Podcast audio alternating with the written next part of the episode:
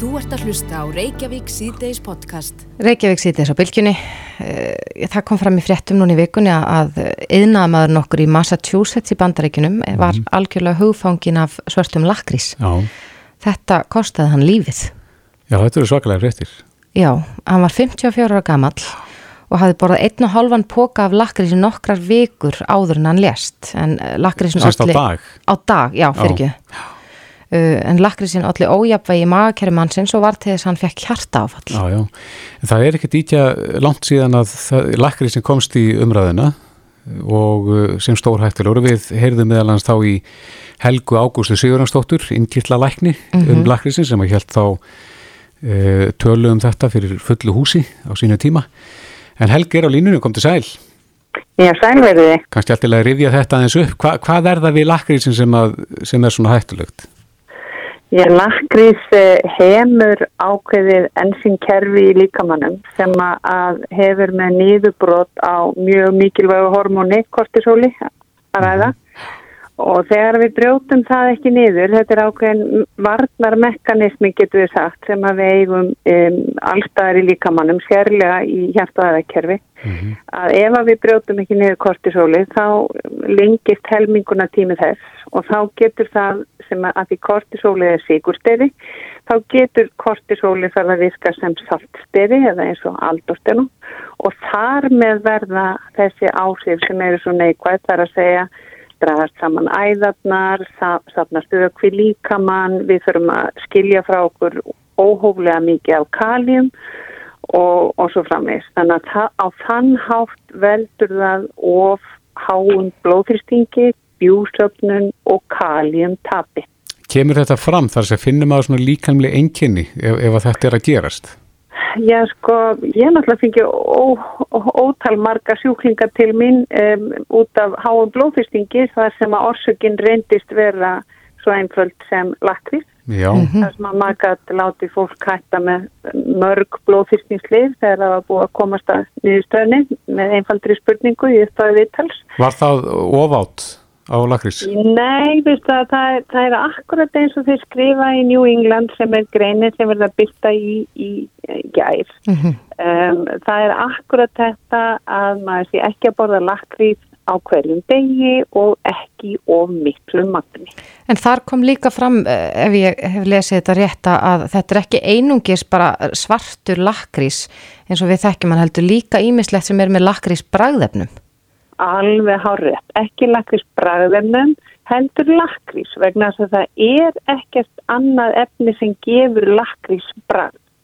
Fennel gefur svona líkt bragð en, en ekkert annað efni gefur lakrís bragð. Þess vegna ámar alltaf okkur unna sé lakrís í því sem maður er að setja í munnin á sig að það er lakrís bragðaði og það er akkurat lakrís rótin sem að gefur bragðið og veldur þessum áhrifum hvort sem að maður setur það í saltanlakrís, sætanlakrís, te, bjór, snirtiförur, ímislegt. Mm En hvað með, með ófrískar konur og lakrís? Ég er nú bara, með minnir einhvern veginn að, að mér hafi verið ráðlegt að borða ekki mikið af lakrísum en ég var ófrísk. Já, nákvæmlega. Er það út af blóðþrýstingnum? Já, við höfum byrst eitt slíkt tilfelli. Þar sem við teljum að lakrísin hafi jafnvel átt þátt í fórstuláti Já, og, og það er svo þannig að fylgjan hefur ekki mikið af þessu enzými sem að vera okkur sem að sérum að brjóta niður þetta kortisol og þar með er ástæð til þess að konur á meðgöngu vari sig á lakrís.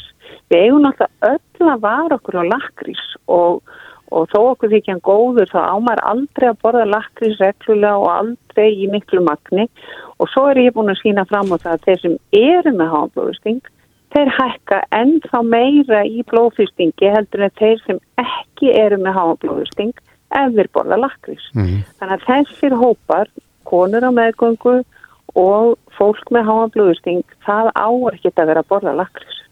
Nei og þeir sem eru kannski með háan blóðþristing og uh, borða lakrís, þeir ættu kannski að sleppa því að borða og sjá hvort að blóðþristingur lægist.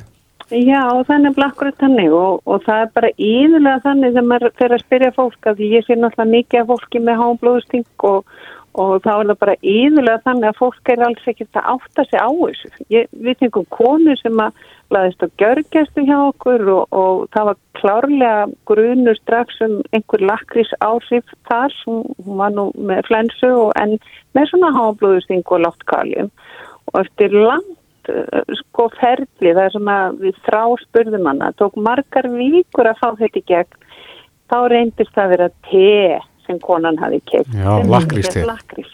Mm -hmm. Nei, ekkert lakrís-te, heldur. Það er verið að selja markanum núna ákveðin te sem öll innihalda lakrís og neytandin hefur ekki hugmynd um það því það stendur ekki framann á pakningunni. Það er í litlu stöfunum aftan á. Já, mm -hmm. þannig að fólk ætti að lesa smáalitri líka.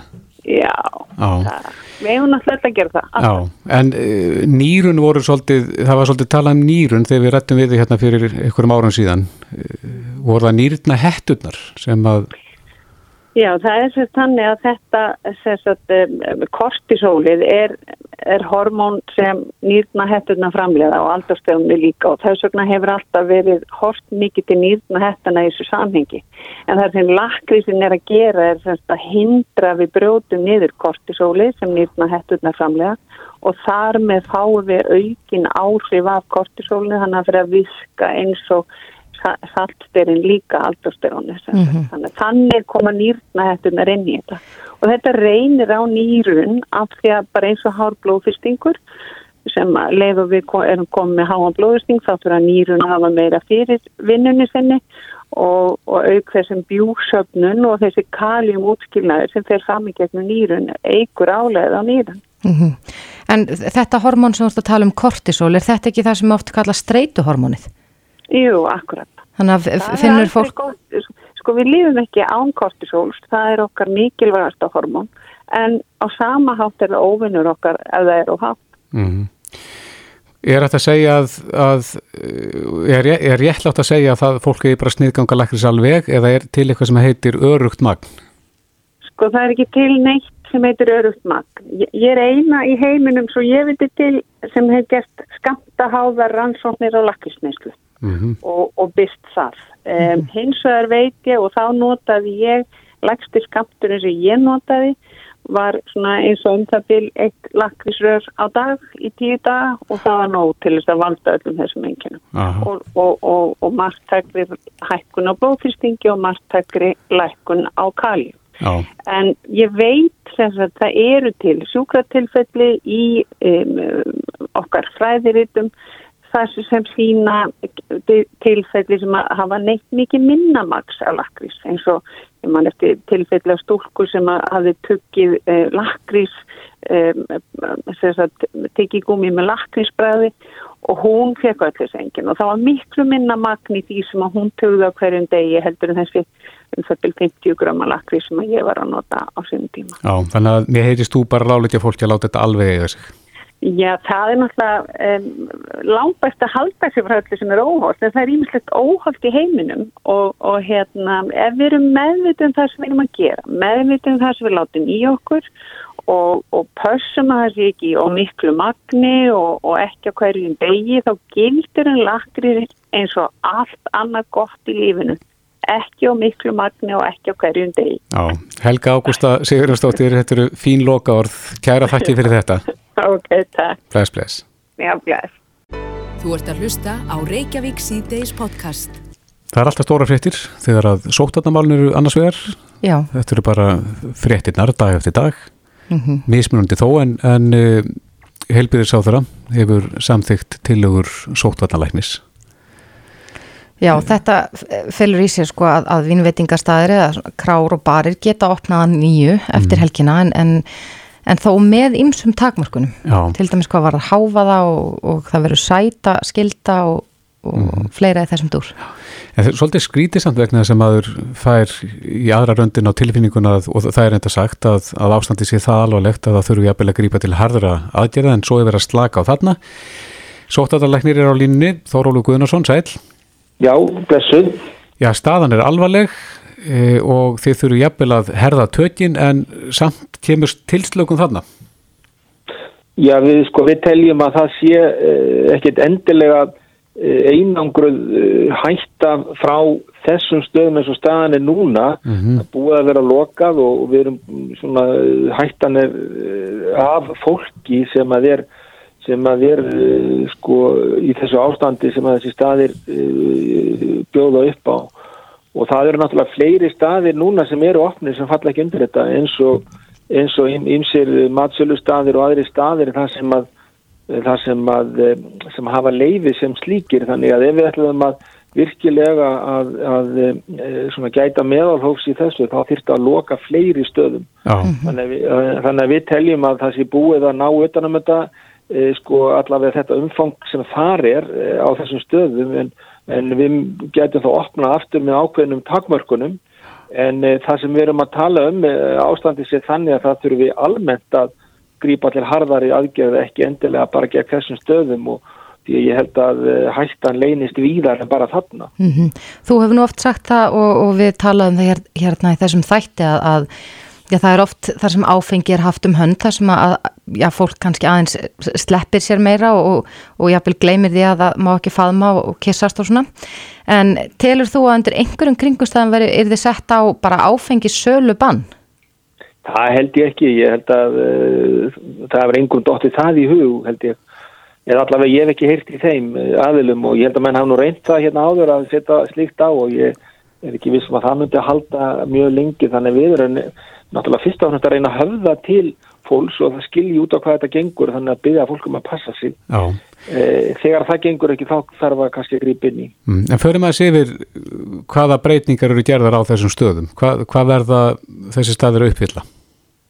Jú, það sem við erum að fara að staðni og við erum eftir að búa til leifinningar í samvinni við þessa staði og það verður farið bara í það núna strax um með eftir helgi að e, reyna að takmarka fjöldan sem að fer inn á þessa staði þar að segja að, að gera það skilir að allir verði sitjandi inn á þessum stöðum, ekki standandi og uh, þannig, þannig uh, mun, fjöld, mun uh, sko, fjöldanum fækka, það minkar fjöldin sem getur verið inn á þessum stöðum og, og hérna það verður líka við það þessi einsmetra regla inn, inn, inn á þessum stöðum. Við verðum líka komið til tilmæli að, að mann gæti að háaðamengun inn á þessu stöðum vegna þess að við vitum það að að koma mikill hávað þá farum við að tala herra og það eigur líkunar á úða mengun á, á munvatni sem að geti verið smitvaldur. Mm -hmm. þannig að það, og við erum líka að leggja til eh, bæ, að menn hugi vel að loftræstingu á þessum stöðum eins og hægt er. Þannig að við erum að gera ímislegt og við höfum gert þetta sko verið í sam, sambandi við tilbreyðis eftirlitið eh, höfuborgarsannu um þetta og, og en, e, það er ekki alveg ljóst hvernig útfæslan á, á þessu á að verða en, en, en þetta við erum að benda á áhættur e, þætti inn á þessum stöðum sem við erum að byggla til aðila um að, um að hérna, vera með okkur í að reyna að bæta. Já. Mm -hmm. Aðeins að, að loftgæðum inn á þessum stöðum, við sáðum hérna sáðum sögu frá söðu kóri um daginn en uh, þar var tilfellið það sem að ein kona smitaði 57 og það var að stóru leiti raki til sex svona vifta sem að hengu í loftinu og drefðu í rauninni úðasmittinu. Já, ég held að sko það get, þetta er náttúrulega verið að koma núna bara undanfæri betur í ljós og, og, og niðurstöður á rannsóknum og, og sína það að, að úðasmitt er áhættu þáttur og getur dreift veirinu líka. Það breytir því ekki að ég held áfram aðal smittleginn sé snertismitt og drópasmitt en síðan bætist úða smitið við sérstaklega þar sem að loftræsting er léleg og, og, og ég tala um ekki með að vera svona vifta sem bara dreifir við út um allt að þá, þá klárlega getur það er það, það áhættu þáttur og það er það sem við erum að benda á. Mm -hmm. Hér í, í vor var nú ekki mikið, hefur maður ekki mikið talað um úðasmitt. Er einhverja líkur á því að, að það sé já, með þessum nýju tegundum af veirunni að það, úðasmitt sé líklæra nú en það var þá? Nei, nei, það, það það er þessi, þessi stopnar sem við erum að tala um að veirunni það breytir engu um sjúkdómin eða dreifingu hans eða neitt. Þetta er bara, þetta er bara svo fingra fara á, á fólki við erum að reyna aðgreina þannig við getum rakið smitin betur. Þetta er nákvæmlega sama smitleið og áhætta. Það sem að bara rannsóknir hafa undanfari sínt uh, fram á betur að, að úða smit spilar rullu í þessu og, og þá er sjálfsagt að benda á það að það var ekki ljóst hérna í vettur og voru ekki svona góð halbær rauk eða rannsóknum fyrir því en, en, nú hefur það komið fram og þá bara nýtum við okkur það. Já, en þú sagðir hérna á hann að því væruð svona meða við stöðun og þessi alvarlegu stöðu að þá séu það íhuga hertari aðgerir í hverju gætu það er falist? Já, það er, við erum náttúrulega reynslu frá því fyrra vetur, nú erum við búin að gera eiginlega eh, nánast allt til þess að fá uh, almenning og fólk með okkur í þetta að reyna að, að, að huga sínum eigin sótvörnum og reyna að gera þetta eins mildilega eins og hægt er ekki, eins, ekki mjög íþingjandi fyrir samfélagið allt uh, og, og hérna og töldum og, og að við gætum og teljum kannski enn að við gætum ná tökum á þessu uh, með því móti og vegna þess að við, við vitum hvar upprunnin er, við vitum nokkur veginn hvernig umfangið er og þess vegna vildum við fyrst fara þessa leið á þess að vera með mjög íþingjandi aðgerðir. Það sem eftir stendur þá kannski gera er að fara í meira íþingjandi aðgerðir ef að þetta allar ekki að duga. Og uh, það er eins og aðgerðir sem við greipum til í vetur það sem að þurfti kannski reynilega að loka svonum stöðum eða, eða, eða beita miklu harðar í fjöldatakmerkunum en það er svona neyðar úrræði að mínu mati. Það myndi setja mikið marka á bara allt samfélagið ef við gerðum það. En en við þurfum stundum að velja og hafna og ef að það sýnir sig að, að við ætlum ekki að ná tök á, á, á uh, útbreiðslunni núna og ef hún er eitthvað aukast og, og ég tala um gömum fyrir að sjá eitthvað alvarlegri tilfelli, við sjáum til og meins núna hvað útbreiðsla smitan hefur haft mikil áhrif á starfsemi landsbítalans, hann uh, er meira að minna sko öll svona elektív starfsemi þar er meira að minna lömuð. Að þá, þá verðum við að gera eitthvað til þess að reyna að ná þessari grunnþjónustu í lag og og þetta væri þá neyðar úrræð að gera ef að, ef að hitt verðist ekki alltaf virka. Mm. Er eitthvað fyrir að grýpa til bakvarðasveitarinnar út af þessu ástand á landsbytarinu, veistu það? Já, ég veit ekki hvort það er búið að kalla fólk inn en það er búið að virkja ná menn hafa verið að dusta reykið af henni og, og setja hann aftur á stað og það gafst mjög vel í vetur en ég veit bara ekki nákvæmlega hvernig það stendur eins og staðinu núna. Nei, hvernig kemur í ljós hvort að það þurfi að þar? Já, sko, ég, sko, ég náttúrulega þyrti þá að koma fyrst með tillögur til ráðherra og ráðherra síðan þyrti þá að ákveða hvað, hvað, hvað, hvað ætti að gera í framhanda því og ég held að uh, núna um helgina þá ráðist það svolítið hvað, gerist. Bæði erum við að horfa á fjölda tilfella sem er að greina sérstaklega og þá fjölda tilfella sem er að greinast eh, í sóttkví eða utan sóttkvíjar og ef að, að virðist vera alltaf að vera hlutfastlega aukning á fjölda tilfella utan sótkvíjar þá, þá er það merki um að það sé mikið samfélagssmit í gangi og, og, og það er ekki gott. Og svo náttúrulega líka við förum að sjá alvarleiri tilfelli eh, það er svona uh, nú eru það heldur tveir inniliggjandi á landsbítalan, það er enginn á gjörgjastlu en, en og það eru svona fleiri í pípunum sem eru með svona veikindi sem að menn hafa áhyggjur af þannig það er svona ímislegt sem er að banka upp á og ymsir fættir sem við þurfum að taka tillit til þegar eh, áður að ég fyrir að koma með tillugur til, eh, til ráðherra um, um hertari aðgerið. Já, þú, þú tala um lokum staða, erum við þá að tala um sundstaði, líkansættastöðvar og slíkt? Já, það væri bara eitthvað svipund úr að við vorum með í vetur. Það er útfæstan að því ég er ekki ná, komin nákvæmlega en en það er svo sem ekkit, eh, launungamála, það er það sem við notum núna í vetur með góðum árangri og, og, og, og við munum náttúrulega horfa til þess ef að, ef að, ef að eh, okkur sínist að þurfa að grípa til harðari aðgerð eftir. Já, Þórulu Guðnarsson, Sóttvarnar Læknir, kæra þakkir fyrir þetta og góða helgi. Já, sömulegis, takk fyrir. Hlustaðu hvena sem er á Reykjavík C-Days podcast. Já, okkur berast mörg erindi þar sem mm -hmm. við erum beðnum að finna út úr hlutum fyrir fólk og það var eitt sem að spurði hvort að lausaganga bifrið að væri bönnu. Nú er náttúrulega að fara að kólna þessi veðri Já. og uh, margir freistati þess að hafa bílan í gangi til þess að hýta á. Akkurat, þessi einstaklingur varð, eh, hefur ítrekku orði var við já, sama bílin mm -hmm. kyrstaðan í já, gangi. Sem er svona í stærri kantinum. Já, stóran bíl, eitthvað trökk. Mm -hmm sem er í gangi og bílstjórun setur undir stýri en, en verðist bara vera að tilla ég, ég veit ekki svona hvað hann er að gera. Nei, nei. En, en það er spurning hvort að þetta megi yfir höfuð og hvort það sé lá, í lægi að skilja bílana eftir í lausagangi með þessum hætti. Já, Guðbrandi Sigursson aðstóður yfir lauruglu þjótt hjá lauruglu höfuborgarsæðinur á línu, kom til sæl. Komið sæl. Já, hvað má þegar það kemur að lausagöngu bifriða? Já, það kemur fram í reglugerð sem heil, hérna, umhverjustráð þar að gafa út á sínum tíma eða 1999 mm -hmm. að það er óheimilt að skilja aukvöldegi eftir í gangi þegar þau eru yfirgefin. Jáfnframt er óheimilt að láta vélarkistar eða aukvöldegi að ganga lengur en í örstutastund nema sérstaklega standi á. Þetta er svolítið tegjanlegt eða þetta er örstutt stund. Hvað er það langur tími? Jú, jú, það er, er tegjanlegt og, og matskent Já. En ef að menn er að býða eh, fleiri, fleiri mínútur þá eh, samkvæmt þessu ákvæði ættu menn að drepa byrðinni.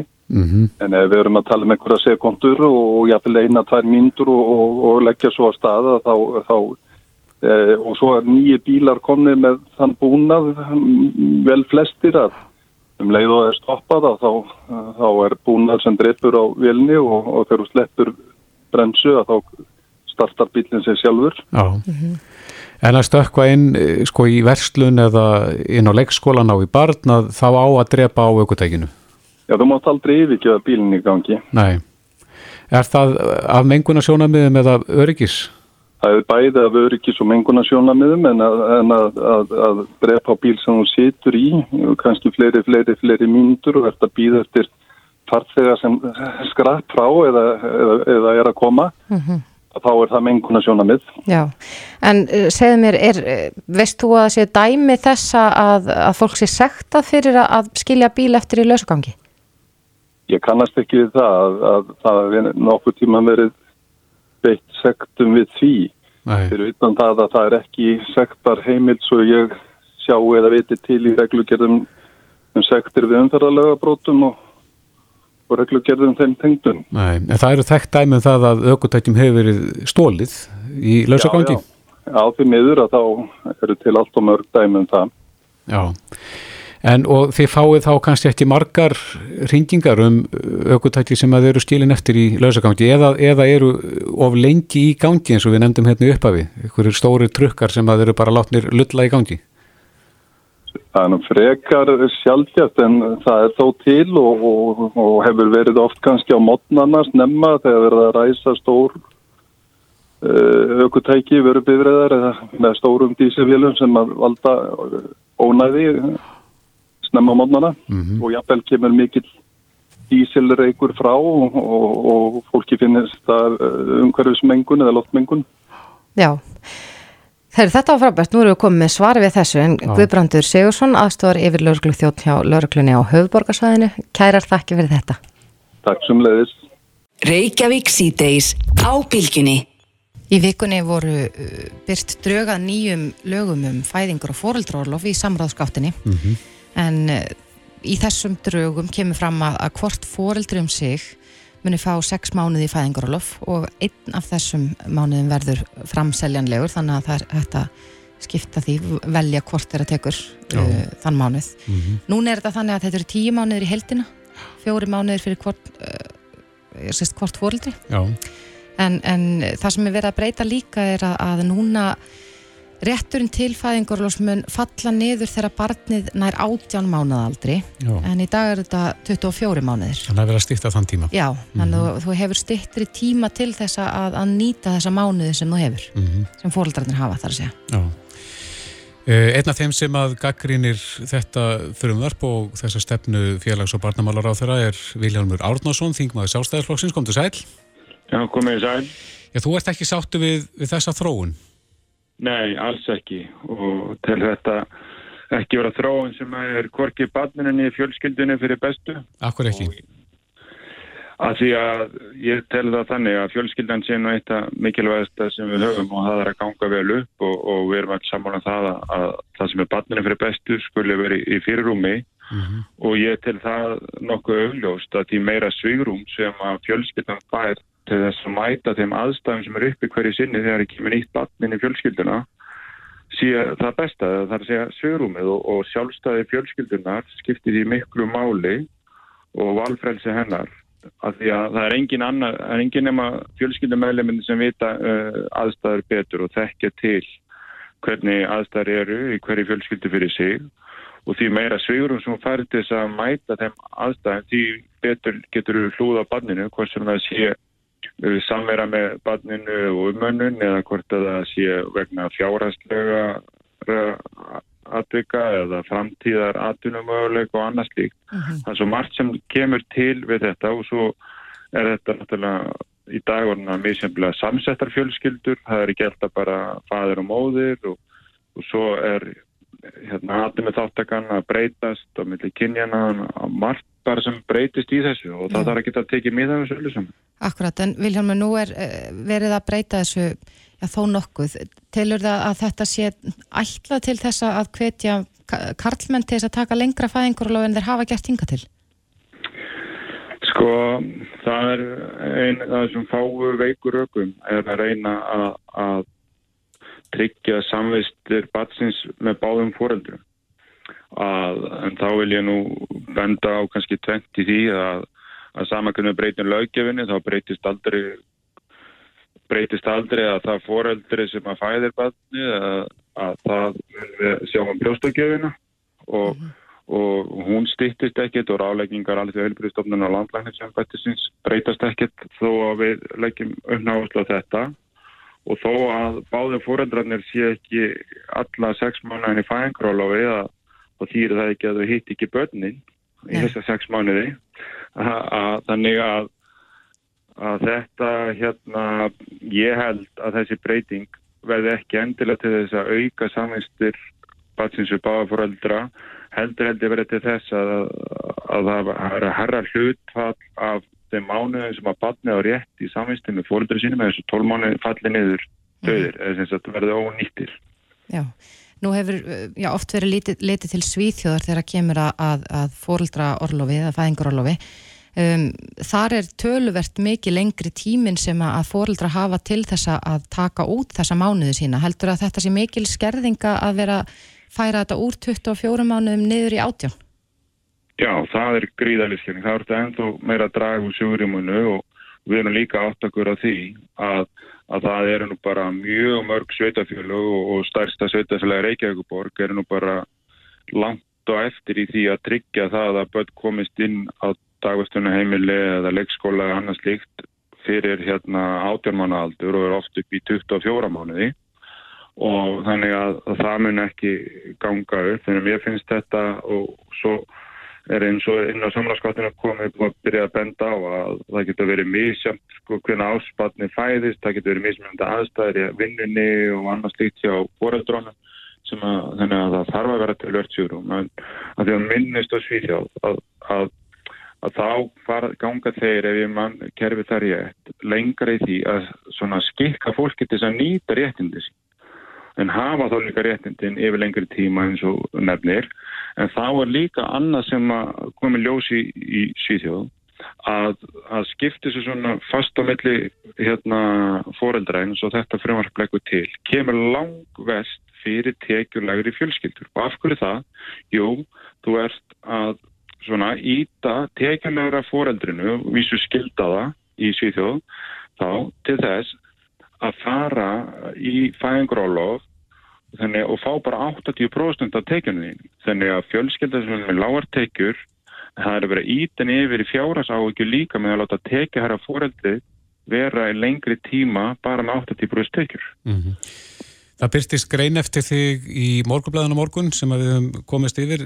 Það segir að þessar tilugur séu aðfur að fæðingar ála stjærfinu. Já, ég, ég og minn flokkur, sjálfstæðarflokkur, hefur nú verið mjög stoltur af þessu fæðingar ála kerfi í langan tíma að þetta hefur styrst stöðu fjölskyldanar og verið eitt stærsta jafnbrettistæki sem hefur komið. En ég tel að eins og þetta er nú frábær breyting og, og, og ríkistjórnin og stjórnvöldega mikið hóskili fyrir að lengja fæðingar alveg 12 mánu, mann ekki gleyma því að núna um áramóti lengtist það úr 10 upp í 12 mánuði sem er frábær breyting en þá er finnst mér algjört glabraði að vera að, að skerða allt hitt að góða við, við kerfið sko. við erum að, að að halda áfram okkar góða kerfi og að halda áfram að gera betra bæði með að lengja tíman og auka valfrælsi hérna, fjölskyldunar og þá er ég að benda gefum fjölskyldinni svigurum til að taka það ábyrð sem að hafa með því að vera fóröld. Mm -hmm. Eins og ég sagði aðan þá eru þessi drögin í samráðskáttinni þannig að fólk getur skilaðin umsögnum um þetta. En Viljálmur Arnarsson, þingmaður sjálfstæðisflokksins kæra þakkir og góða helgi. Já, takk sem að leiðis Reykjavík síðdeis á Bilginni podcast. Já, Reykjavík síðdeis ég hugsa séu ansi margir sem að kannast við það að, að fjölskyldur hafi splundrast mm -hmm. eftir deilur um erðamál Já, ég held að þetta séu mjög algengar deilur innan fjölskyldna. Já, og þetta er kannski það sísta sem að foreldra vilja til dæmis, að, að uh, börnir er að hætti að tala saman út af einhverjum veraldlegum eigum. Já, ég held að það nú oft verið sagt um mála þessum toga sko að margur verður af auðrum api. Já, en uh, okkur skilst að það sé hægt að komi vekk fyrir slíkar deilur. Já, allavega einhverju leiti. Ég held sko að, að mynd okkar Íslendinga af erðaskrám mm -hmm. sé pínu brengluð. Við erum auðvitað bara búin að sjá í bíomundum í árunar ásfullt af einhverjum erðaskrám en, en reglurnar eru allt öðruvísi hér á landi. Mm -hmm. Þú getur ekki rást af öllu sem á átt og, og fleira í þeim dúr. En hvaða reglu gildum það? Já, við ætlum að spyrja sérfræðingina því. En á línunni er Lilja Björg Ágústóttir, hún er lögumöður hjá Opus lögumunum, kontu sæl. Góðan daginn. Já, hvað segir þú? Hvaða, já, ánþess kannski að þylja upp erðalögin en, en hvað, er, hvað reglur er það sem gilda helst um erðaskrár hér á landi? Um, ég vil kannski bara í upphæfi svolítið taka undir það sem að þið töluðum á það. Mm -hmm. Því að það er hægt að koma í veg fyrir allskynns erfileika og vandræði með því að hugsa fram í tíman mm -hmm. og láta gera erðaskrá. Og, og þær hafa í rauninni margvíslu hlutverki að gegna og það ríkir ansi oft svona ákveðin miskilingur til dæmis varandi rétt sambúðræðila til arс eftir andlátt maka mm -hmm. og mhm. réttindi batna annarskos maka og fyrir sambundum og fleira. Já, já. Og það hefur samt sem áður orðið svolítið vakning um þetta síðustu árum og margir fleiri, alltaf fleiri og fleiri að taka skrefið og láta vinna fyrir þessi erðaskrá. Mm -hmm. Og það er alls konar fólk sem leita til okkar og byður um slíka vinnu og, og svo eru líka bara svona nútíma fjölskyldur orðnar bara miklu floknari heldur en það voru fyrir örfám ári síðan. Mm -hmm. Er það algengar að, að fyrirkjölili, er það algengar að þegar að fjölskyldur eru ekki kannski þessar hefbundnu uh, sko vísutölu fjölskyldur, er það algengar að þannig fólk leiti til ykkar til þess að gera erðarskrá? Já, það er alveg þannig og sérstaklega það eru börnum fyrir sambundum og svo eru náttúrulega bara alltaf fleiri og fleiri sem að ákveða það bara að gifta sig ekki og þá er nöðsynlegt að láta að vinna fyrir sig erðaskrá til að tryggja á hvern rétt. Ah. En bara svo við fyrirum alveg örstuðt í það bara hvað erðaskrá er. Mm -hmm.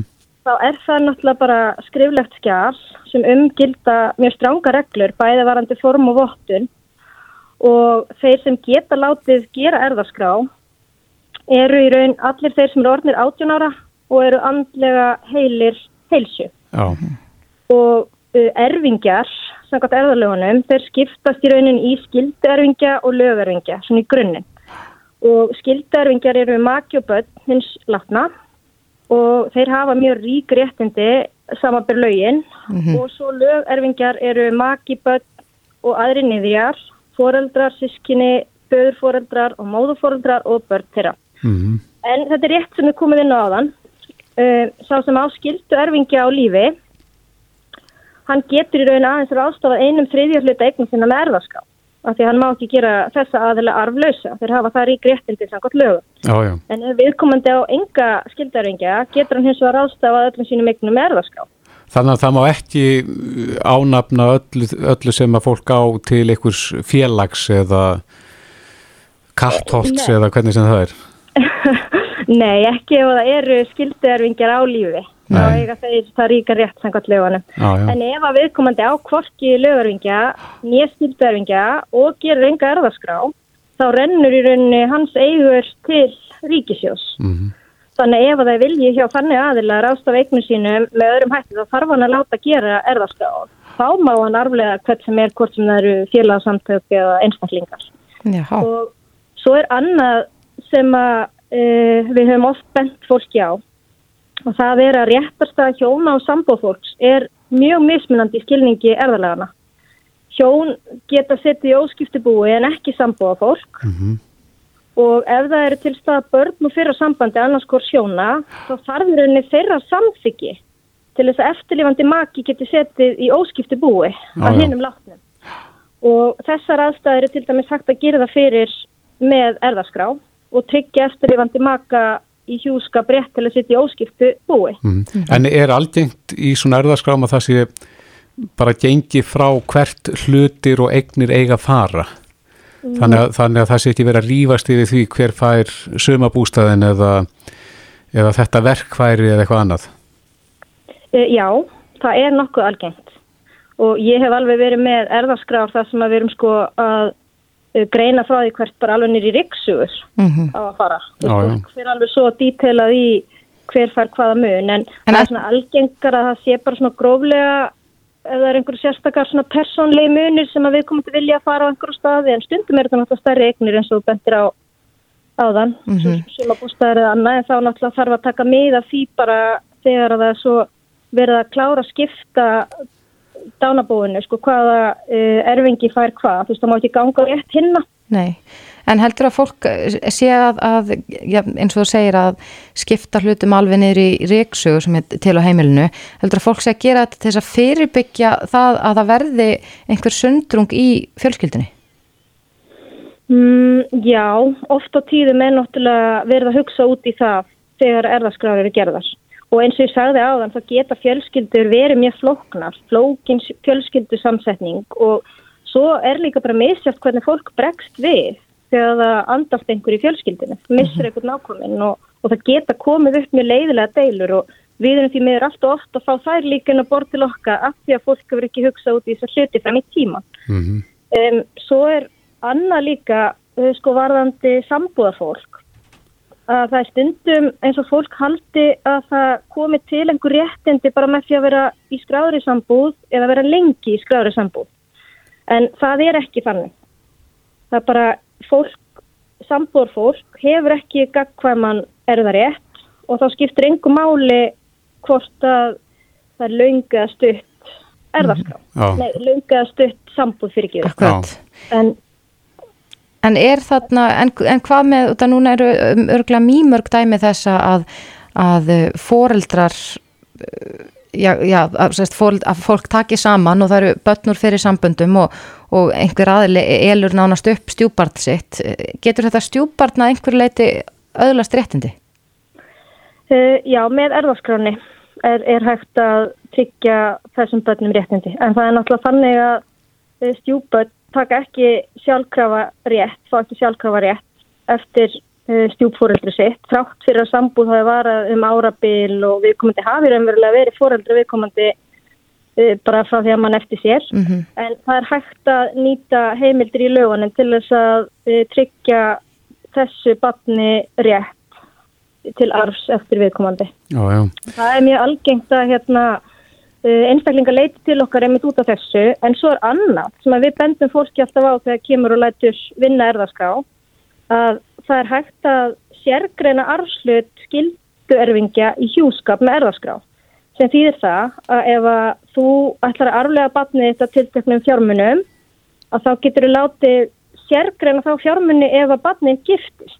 Þannig að það heldur réttindunum við skilnað Mm -hmm. og þetta er eitthvað sem er líka alltaf að verða algengra að fólk lætur setin í erðaskrá mm -hmm. og svo eru nefnilega líka því að þið talið um ágreining í tengslum við að eða verður anslátt og, og svona hegðun erfingja e, það er líka mjög oft sem að e, einstaklingar láta setja inn í erðaskrána hjá sér hvernig þeir vilja haga einsum þáttum tengdum ansláttinu til dæmis hvort er vil ég láta brenna sig eða jarða sig og þá hvar vil ég láta gera það mm -hmm.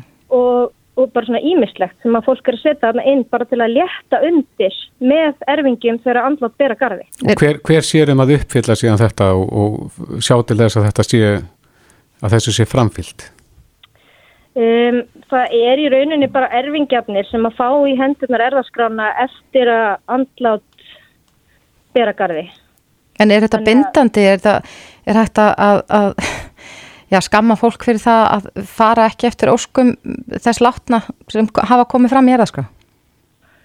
Um, það er náttúrulega hægt að láta reyna á ímis réttindi fyrir domstólum sko, mm -hmm. en almennt séð er náttúrulega bara ætlast til þess að þessi farið eftir því sem kemur fram í erðaskráni og það, það er, þetta plagg er náttúrulega vottaf, þannig að, að það berir sér réttindi með sér og það er bara til þess að fara sér eftir þessu við skipti búsins og mm -hmm. það eru þá lögmaður eða annar sem kemur að því að þá er þetta náttúrulega alltaf haft í gröndvallar. Sko. Já, er ekki bara best að, að fólk bara reyna að nýta peningana meðan það er á lífi? Þannig að það sé ekki að skilja eftir einhverja auðra til þess að rífast yfir? Jú, það er bara langt best að hugsa fram í tíman og vera bara búin að setja vörður allstað það sem er hægt að detta í hólurnar áður en að það gerist. Já, Lilja Björg Águstóttir, lögumæður hjá Opus lögumænum. Kæra þakkir fyrir þetta. Takk fyrir, segjum það. Bless. Bless.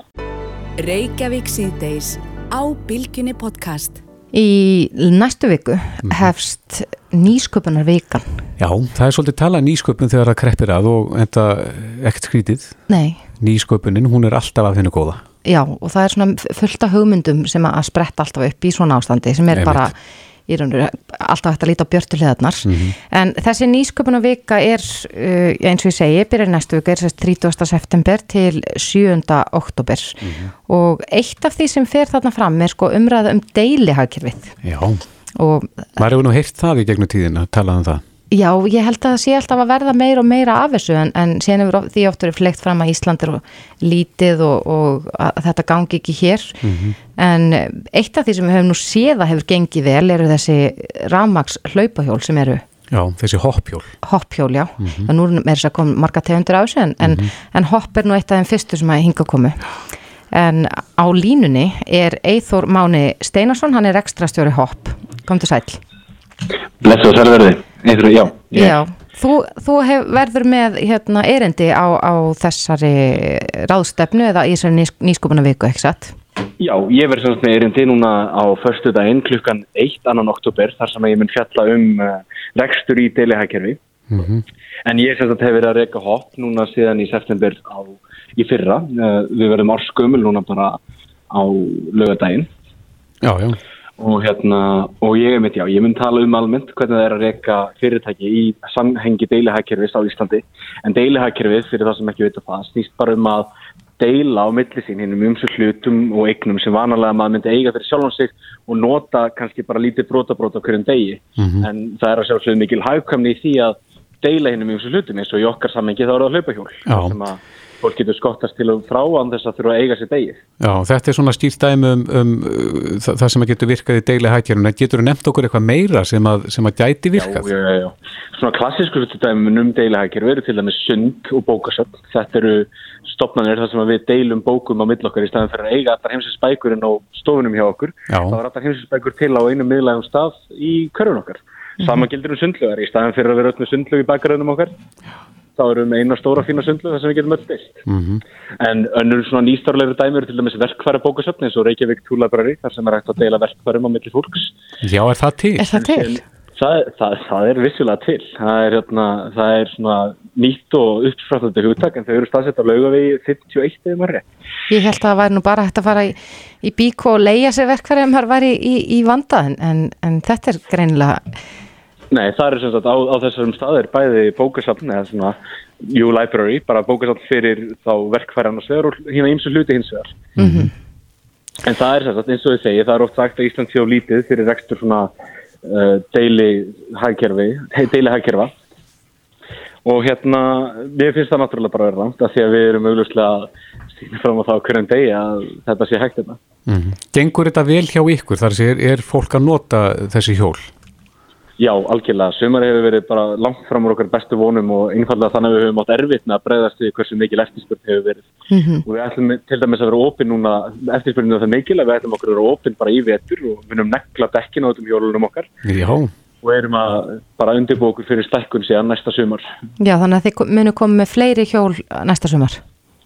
Já, ég fæl á fleiri stöðum líka sko. Við erum sérst að opna á Akureyri vonandi líka og langar opna fleiri byggðakjörnum, eigilstöðum, vestmanneum og svo framvegs og erum að leita samstagsælum í það verkefni. Mm -hmm. En það hefur greinilega sínt sig að, að þetta er að virka vegna þess að maður hefur, já, ég hugsa allir allavega hérna á höfuborgarsvæðinu hafa orðið varir við raf skúturnar út um allt og, og nú eru fleiri, þeir eru komið samkeppnisæðlega í þessum brannsækisat. Nákvæmlega, nákvæmlega, sem að ég svo sem fagnar sko, við hefum fengið þannig luxus að vera svo gott sem eini í allt sögumar sko, það hefur verið svona minnisamkeppni með okkur allan tíman sko, en núna er komin stór alþjóðlega samkeppni á svæðið og við hefum í raun og veru bara sannað að sé rekstra grundöldur fyrir svona hérna. Mm -hmm. og ég hef yngar ágjörð því. Það er bara sjálfsagt að 72 fyrirtækja að keppa saman hérna á sögunu Já, sérðu fyrir að menn verði eppil stórtækari og fari að deila bílum? Já, algjörlega. Og það hefur verið til bíladeli þjónust á Íslandi áður fyrir sko sem hétti Sittkar, ég veit ekki hvort það sé ennþá á lífi en, en okkur langar að færa okkur upp í starri og fjölbreyttari faratæki líka eitthvað tíman í framtíðin kannski. Og heldur að sé grundvöldu fyrir því hér? Það geta alveg verið sko, Sittkar gekk svo sem ekki vel á sínum tíma en þau voru að gera þetta á svolítið takmartandi máta þar sem hún gæst bara skilað bílunum á sama stað og sóttur hann í ákveði bílastæði og svo framvegis sko og líka Já. með bensínbíla frekar en rafbíla sem er þá ekki eins hagkvæmt að deila og svo framvegis. Mm -hmm. Er þú með eitthvað fleiri eh, hugmyndir svona í maganum sem þið langar að hrinda í framkvæmt sem þú getur deilt með okkur? Svona varðandi deili, deili hagkerfi? Mm -hmm. Ég er ekki með neitt svona persónulega á döfinni sko en ég hef oft hugsað meira veist, hlutir eins og, hérna, eins og verkfæri er náttúrulega sjálfsagt en það er komið verkfæri að bókusatn en síðan eru deili eldhús líka svona pæling sem hefur verið að koma upp deili þvottastöðar þar sem þú þarfst ekki lengur að vera með þegar einn þvottavel sem notar kannski 1% af deginum heldur getur bara að fara á landrumat mm -hmm. Og svo framhengis Já, þetta er spennandi og uh, nýsköpuna vikan, hún hefst í næstu viku Já, nákvæmlega og fullt af spennandi viðbúrum sem ég mæla með að fólk skoði inn á nýsköpunavikan.is Já, Eithor Máni Steinarsson, rekstarstjóri Hopp, kæra þakki fyrir þetta. Takk hella fyrir mig. Þetta er Reykjavík C-Days podcast.